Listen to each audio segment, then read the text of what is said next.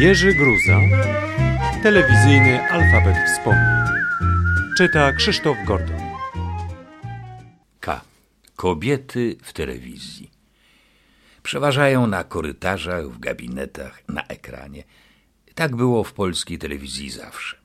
W końcu lat 50. ówczesna telewizja składała się z ludzi odprysków, z radia, teatru, estrady i gazety.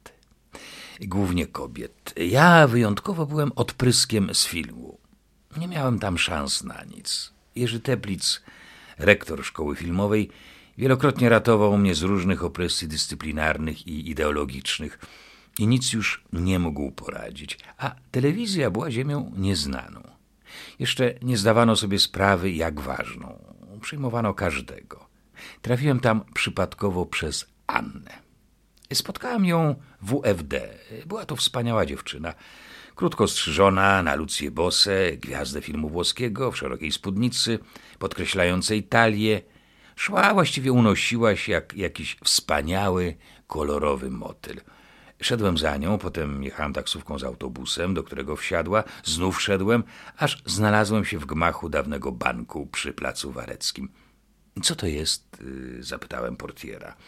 Telewizja Polska. Anna tymczasem weszła do studia, odłożyła torebkę, wzięła słuchawki i stanęła przy kamerze. Tu będę pracował, zapowiedziałem portierowi. Personalny jest na Noakowskiego w radio. Tak, radiowcy byli wówczas w przewadze.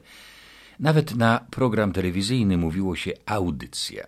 Do dziś pamiętam swoją pierwszą samodzielną audycję.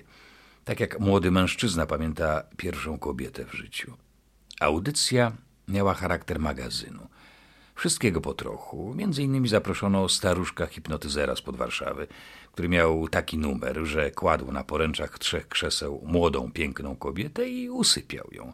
Potem ostrożnie wysuwał środkowe krzesło, tak że kobieta wisiała w powietrzu, sztywna jak deska, podparta tylko pod karkiem i na wysokości kostek u nóg. Stary spytał dziewczynę: Zosiu, ty śpisz? Lekko zaciągał po okresowemu. Tak, śpię, odpowiedziała dziewczyna, jakby z zaświatów. Zosiu, śpisz? Upewnił się stary. Śpi. Wtedy energicznie wdrapał się na krzesło, stanął na śpiącej i zaczął po niej chodzić. Było to niesamowite. Wreszcie zaczął po niej skakać, nam włosy się zjeżyły. Audycja oczywiście szła na żywo, a staruch upewniał telewidzów. Śpi, śpi, o, jak śpi.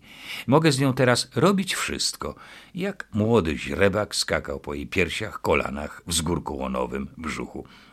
Panie redaktorze, niech pan też spróbuje. Proszę, Zosia śpi.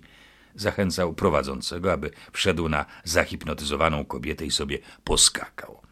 Prowadzący nie odważył się, ale i tak audycja bardzo się podobała. I tak zostałem w telewizji na resztę życia.